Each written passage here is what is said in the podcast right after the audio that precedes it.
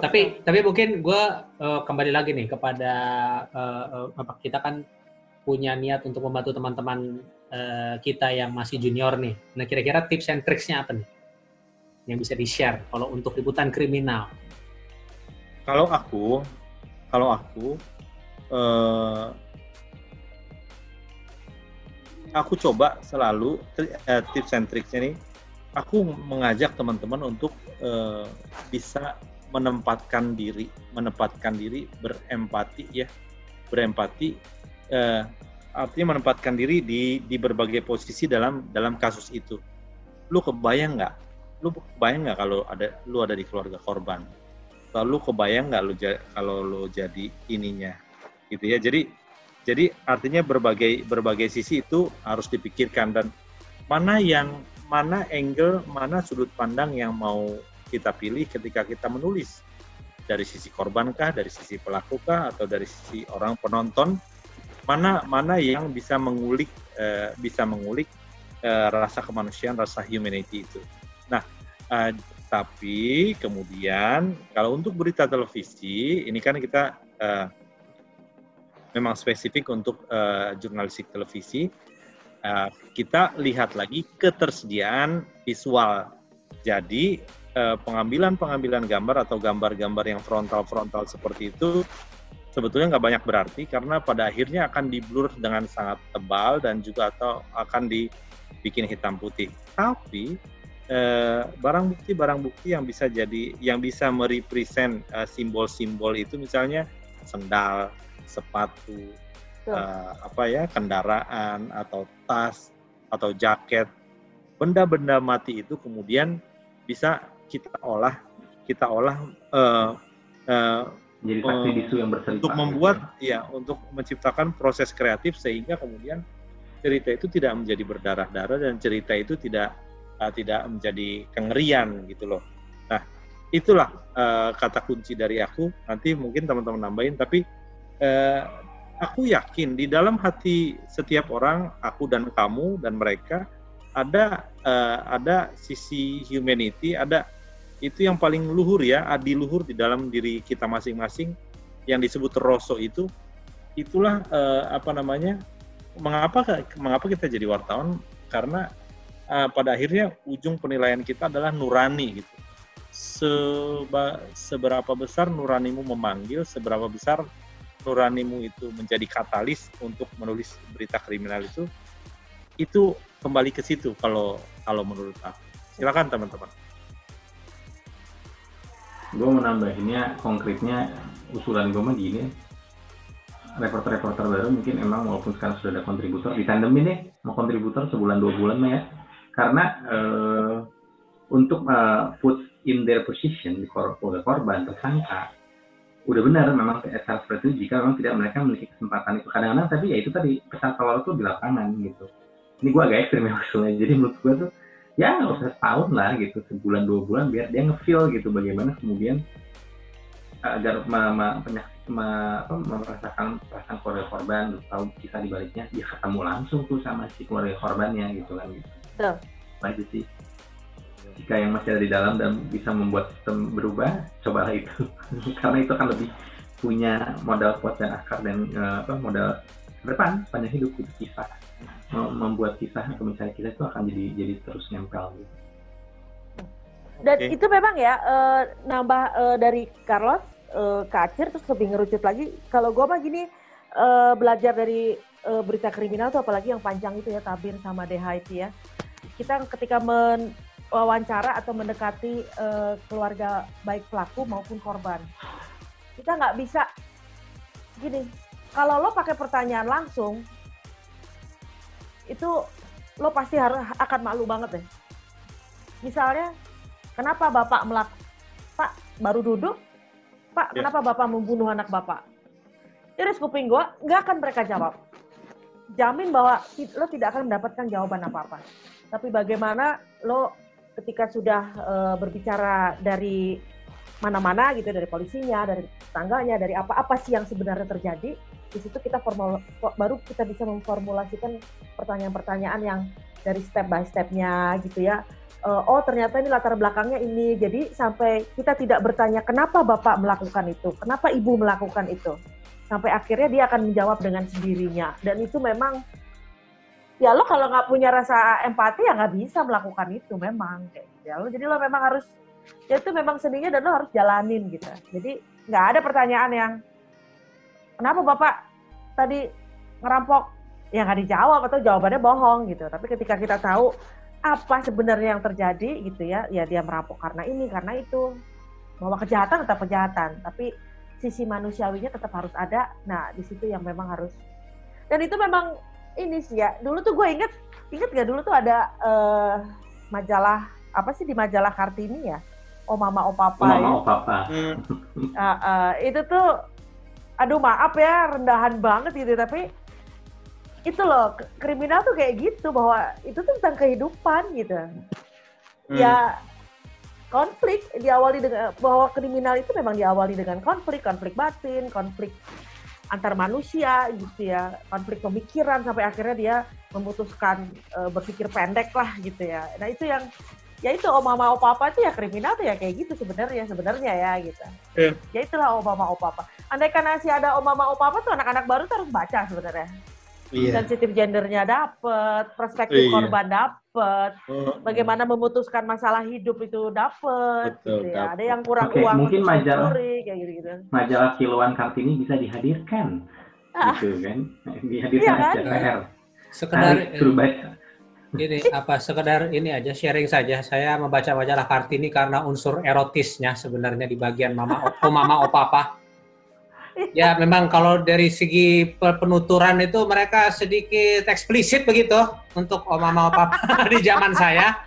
Saya pikir sampai sekarang juga masih seperti itu. Tapi kembali ke topik pembahasan. Jadi uh, tadi kan udah dibahas kira-kira uh, untuk untuk untuk peliputan tuh kita harus punya semacam uh, sensitivitas. Uh, kita kita lebih fokus kepada sensitivitas ketika kita meliput berita kriminal, peristiwa kriminal. Yang dikategorikan sebagai peristiwa kriminal untuk bisa mendapatkan menyajikan sebuah berita yang bermakna dan berarti bisa gitu kan kurang lebih. Tapi gue cuma pengen nambahin dari sisi teknis gitu. Uh, lima hal yang harus kita da, apa, pastikan uh, dapat di lapangan itu pertama adalah uh, eh, TKP tersangka barang bukti korban dan pernyataan dari pihak kepolisian. Bener nggak? Nah, Betul. ya kepolisian lokasinya di kantor polisi. TKP ada di lokasi kejadian. Hmm. Tersangka hmm. kalau udah ketangkep itu uh, ada kantor di polisi. kantor polisi. Terus kalau misalnya dari sisi korban, ingat kalau misalnya ada yang meninggal pasti ada jenazahnya. Nah jenazahnya ini yang kadang-kadang menjadi sulit untuk dilacak karena ada proses yang terjadi uh, berkaitan dengan jenazah. Ketika ada ditemukan jenazah yang meninggal, apakah itu karena dibunuh atau segala macam. Pertama yang uh, terjadi itu adalah pelaporan ke polisi, ke kantor polisi. Terus habis itu kantor polisi melaporkan ke dinas pemakaman untuk dibawa, diambil, gitu kan. Sementara uh, polisinya juga uh, mungkin kontak bagian reserse untuk uh, langsung ke TKP untuk melihat uh, dan dan mungkin di bagian forensik juga Nah, dari situ uh, dinas yang dari dinas pemakaman sampai ke lokasi untuk mengambil jenazah. Hmm.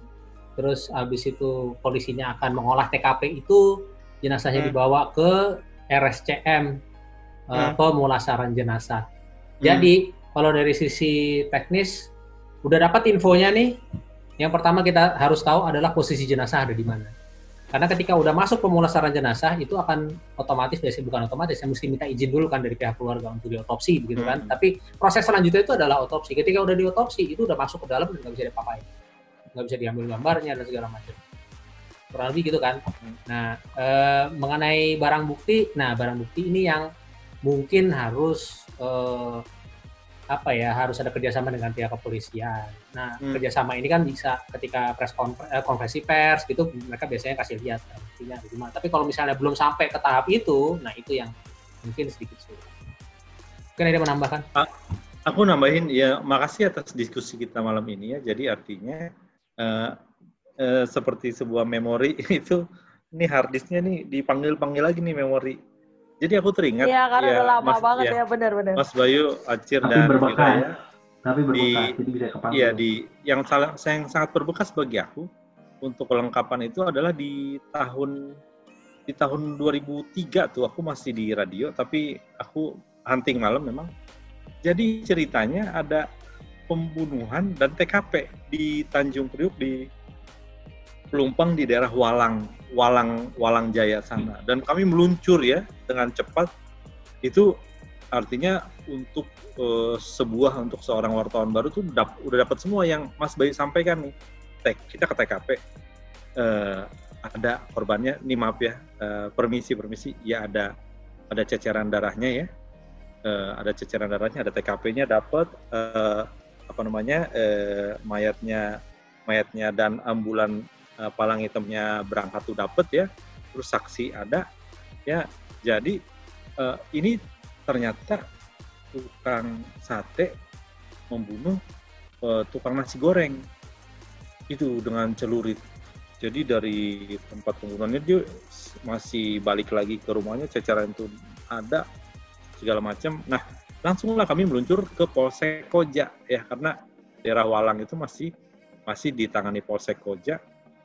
Nah, ada tuh barang buktinya ada. Nah, kalau polisi kan juga udah dapet ya pasti ya. Nah, tra- eh, kedua sebelum terakhir nih wawancara tersangka. Jadi aku inget banget Hmm. itu nggak ada yang berani karena darahnya nih eh bajunya nih masih penuh darah gitu ya. Dan ini dia masih artinya baru tersadar dari emosi sesaat yang membuat dia membunuh. Ini masih penuh darah. Nggak ada satupun wartawan yang berani yang berani deketin. Majulah aku coba. Jadi dia duduk di, di dia duduk di kursinya di ruang Kapolsek ya karena kan udah banyak TV, ada radio, El Sinta segala macam. Kapolsek lah ya kan. Coba akulah duduk di sampingnya. Terus aku aku rangkul dia, aku pegang. Terus apa ucapan pertama kali itu? Jadi aku aku di situ di lapangan itu aku berusaha empati mengenai apa jiwa jiwanya yang berkecamuk itu. Pasti ini jiwanya berkecamuk kan habis membunuh. Yap. Emosi tinggi kan. Terus kemudian semua udah nyodorin mic, aku di sampingnya aku aku rangkul. Aku gosok-gosok punggungnya terus bilang, "Kenapa bisa begini? Kok jadi begini?" gitu Betul. keluar keluarlah omongannya. Ternyata itu apa? Cemburu cemburu. Jadi kalau nggak salah istrinya dia nih di maaf ya di di ini apa di dia diselungki istrinya oleh si tukang nasi goreng ini. Jadi jadi motif itu keluar lah coba. Ini di- saat 2003 inget ya. Di saat kita masih boleh mewawancari tersangka. Jadi yang lain tuh udah tinggal naruh mic aja terus aku artinya aku yang memantik diskusi itu. Kenapa bisa begini? Kenapa kenapa jadi begini sih gitu. Ngomong dia. Iya, Bang. Begini. Istri saya begini. Siapa coba laki-laki yang enggak ini? Iya. Waduh, dapet itu soundbite-nya. Udah. Habis itu tinggal wawancara kanit eh ka- apa Kapolsek. Jadi betul Mas Bayu artinya eh, kelengkapan itu harus dipikirkan, harus diambil dan itu yang wajib lima hal itu harus. Eh, nah itu jadi aku ke aku ke apa ke apa terpantik eh, apa oleh eh, ucapan Vira tadi. Apa yang mau diucapkan? Aku aja speechless. Di depan aku seorang ya bukan ya seorang apa bukan terduga lagi ya udah confirm dia pelaku kan karena ada saksi juga saksi juga dari situ dan polisi juga dan oh, ini bajunya ini masih penuh darah dari si korban. Dia adalah pelaku gitu. Gue mau ngomong apa nih ke pelaku? gue duduk sejajar sama dia, gue gosok punggungnya gitu. Kenapa bisa jadi begini gitu? Keluar tuh cerita. Oke, itu Dan aja tambahan dari aku. Itu itu tapi itu benar itu yang gue bilang eh, di di Jojo di mana? Maaf ya, selingan. Yeah. uh, itu itu ya tadi gue bilang itu sering terjadi ya bahwa pertanyaan itu nggak bisa sama dengan ketika lo bertanya dengan menteri presiden atau anggota DPR atau pejabat lainnya. Nggak bisa. Pak apa alasan dikeluarkannya uh, aturan ini? Ya akan yeah. jawab. Tapi kalau itu yang kenapa bisa begini? Nah itu seperti itu. Itu juga ilmu-ilmu yang di lapangan tuh kayak apa ya? Kayak gue gimana caranya dia mengungkapkannya ya gitu ya. Ibu apa yang paling ibu rasakan kehilangan ketika anak ibu nggak pulang-pulang gitu ya. Hmm. ya dia lebih menjawab itu dibanding ketika gue bertanya, uh, ketika gue bertanya uh, ada masalah apa sih bu di rumah gitu. Itu itu itu itu iya, itu, itu, iya. itu, Beda itu derajat pertanyaannya tuh iya. Beda derajat per, iya itu itu eh. gimana ya itu dia ngajarinnya itu itu memang itu diksi kata itu penting banget ketika gue bertanya yeah. nggak bisa gue bilang gue tanya ibu gimana perasaannya? Uh, anak ibu nggak pulang-pulang? Ya nggak nggak dia nggak akan jawab juga atau itu pertanyaan yang bodoh. Tapi itu dengan diksi yang lebih empati itu yang gimana hmm. kalau gue ada di posisi dia ya gitu ya. Gue sama ponakan sehari nggak pelukan aja rasanya kangen gitu ya. Nah dia pasti jauh lebih sakit dari gue gitu ya itu yang yang harus gue uh, apa lontarkan. Itu memang nggak gampang sih ya yang betul gue tambahin itu istilah gue itu adalah menakar hal-hal kualit mengkuantifikasi hal-hal kualitatif. Itu kan gitu kan? Jadi komparasinya adalah gua aja nggak perlukan sama ponakan sehari udah gimana rasanya? Kan oh, komparasi itu superlatif. Bayangkan hmm. jika kemudian hmm. ibu dan anak eh, kehilangan anaknya. Ini kan berarti kita udah membantu untuk mengarahkan ke arah yang benar ya? Eh, hmm. karena Betul. kalau yang nggak bisa mengeneralisasi dan meng mengkuantifikasi hal itu yang nggak dapet. Nggak dapet angle ke arah situ itu ilmu apa betul, betul. Bapak, hmm. Bapak uh, kalau kali ini istri Bapak nonton nih nanti Pak, Bapak mau nyampein apa? Itu kan begitu hmm. dia memendam rindu sama istrinya gitu hmm. ya di penjara hmm. gitu ya. Hmm. Hmm. hmm. Dan ya akhirnya di situ keluar, gak bisa gue tanya. Uh, terus Bapak sekarang uh, apa uh, rencana Bapak ke depan ya? Orang di penjara kagak punya rencana hidup apa-apa lah gitu kan. Gak punya rencana. Nah, iya. iya, cuman dengan yeah. dengan diksi yang berbeda pertanyaan yang sama yeah. dengan diksi yang itu berbeda yeah. itu gitu pak yeah. ini nanti kan di layar uh, di ini kamera kan nanti ditayangin rekamannya pak biar keluarga bapak dengar bapak mau ngomong apa gitu. hmm. saya saya masih saya pengen pulang gitu kayak gitu gitu lah jadi ya itu memang ya itu oma opa ilmu oma opa apa sih sebenarnya itu ya yang sorry ya kalau bagi gua oma opa kan dulu bacaannya bukan yang kelas-kelas anak-anak pintar gitu ya. Hmm. yang yang Mas Bayu juga ngomong agak-agak merepet-merepet ya Mas Bayu gitu ya. Cuman, iya, iya. Itu kehidupan nyata tuh ya kayak gitulah gitu. Iya. Tapi menarik lah, menarik. Menarik. Iya. Tapi benar uh, anak-anak baru nih gimana ya mau diapain ya? Memang kriminal tuh uh, ya harus ya emang harus ada ya sebenarnya ya. Cuman formulasinya aja lah yang harus diperbaiki terus. Makanya tandemin sama kontri sekarang. Harus ditandem ya. Betul. Atau itu tadi suruh baca Oma Oma Papa cari Kartini dulu, suruh baca iya. Oma Oma Papa, terus di review itu udah, udah dua cara nih, udah ketemu loh. Udah kita udah yeah. menemukan dua cara minimal. Udah suruh pergi ke pasar loak, beli Kartini yang ada Oma Papa, pilih ceritanya, dulu suruh retail di mana gitu kan. Iya, iya. Cuman oh, sorry sih, cuma Kenapa kenapa? Sorry sih nggak nggak bisa nggak bisa ikut lagi sama country karena country itu juga udah udah nggak jalan lagi. Dia tuh udah tinggal tangkulak berita, cir. Yang jalan tuh Oh, stringer, stringer. stringernya dari yeah. stringer, iya. Gak apa-apa lah berbagi rezeki lah ya. Iya, iya, tapi iya. Tapi gitu, terus gue pernah di waktu itu seorang anak lima tahun apa enam tahun ngebunuh temennya yang masih seumur gitulah. Ini anak-anaknya nggak mau lah diwawancara sama siapa pun lah gitu.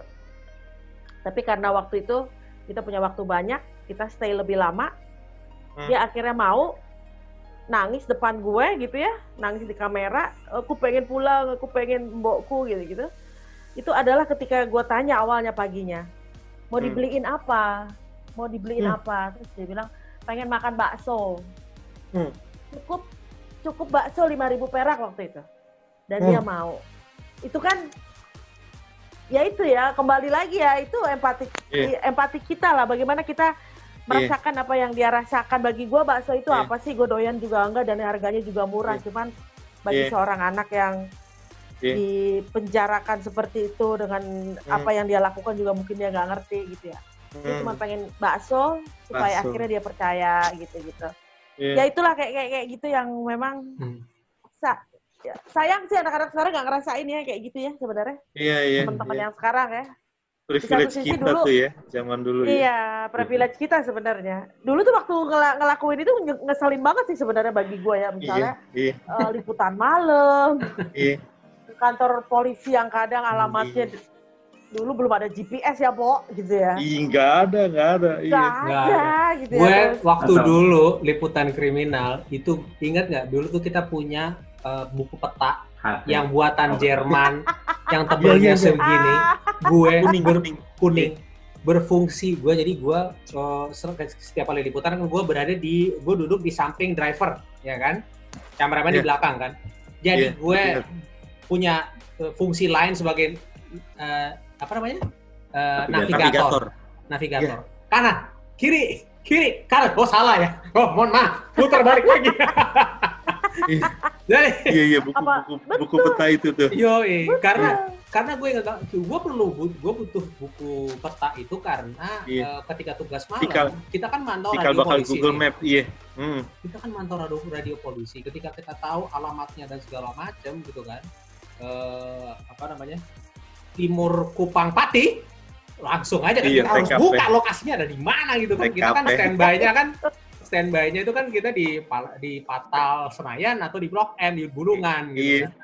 Iya. Nah itu yang rada tantangan tersendiri gitu. Kalau misalnya memantau kita, Halong Pati, Halong Pati. Halong Pati. Sepuluh dua, delapan enam, satu tiga, satu tujuh.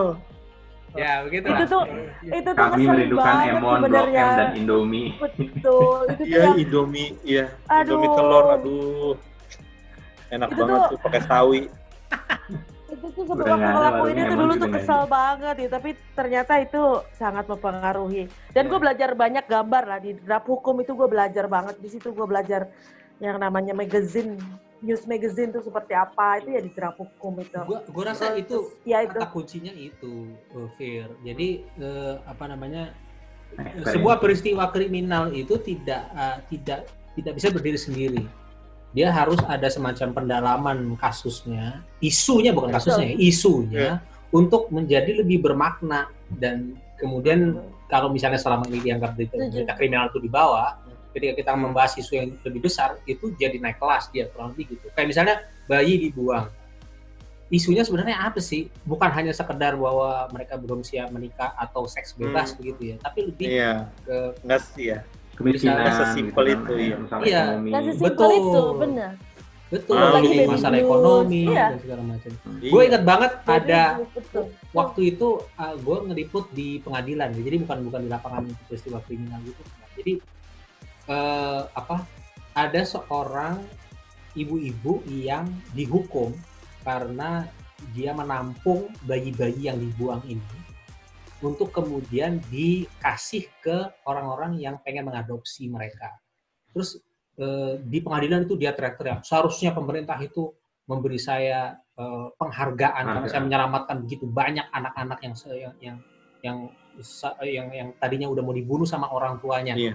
Hmm. Eh, dan ternyata di balik itu ada permasalahan yang jauh lebih besar. Jadi sistem adopsi Indonesia itu begitu sulitnya dan iya. channel-channelnya itu tidak tersedia dengan baik karena mereka diarahkan ke uh, uh, apa namanya panti asuhan untuk iya. anak-anak yeah. berkebutuhan khusus gitu loh. Jadi iya. anak-anak yang dibuang dan segala macam yang yang mungkin normal itu nggak nggak mereka nggak dapat akses gimana caranya gue mau ngadopsi anak tapi yang berkebutuhan khusus gitu. Akhirnya mereka cari-cari ke channel-channel lain termasuk ke panti hmm. asuhan ini gitu loh yang menampu hmm. justru malah nyari gitu loh ketika iya. dia kasih anaknya ke orang tua yang pengen ngadopsi trafficking otomatis kan dia si orang tuanya kan oke okay, kira-kira ada yang bisa saya kasih nggak ya kan ini dia udah tinggal di sini selama dua tahun satu setengah tahun atau berapa bulan gitu kira-kira pengeluaran saya 3 juta oke okay, saya kasih 10 juta ya karena dia suka hmm. banget sama anaknya akhirnya hmm. itulah yang membuat dia masuk ke penjara dan duit malu hmm.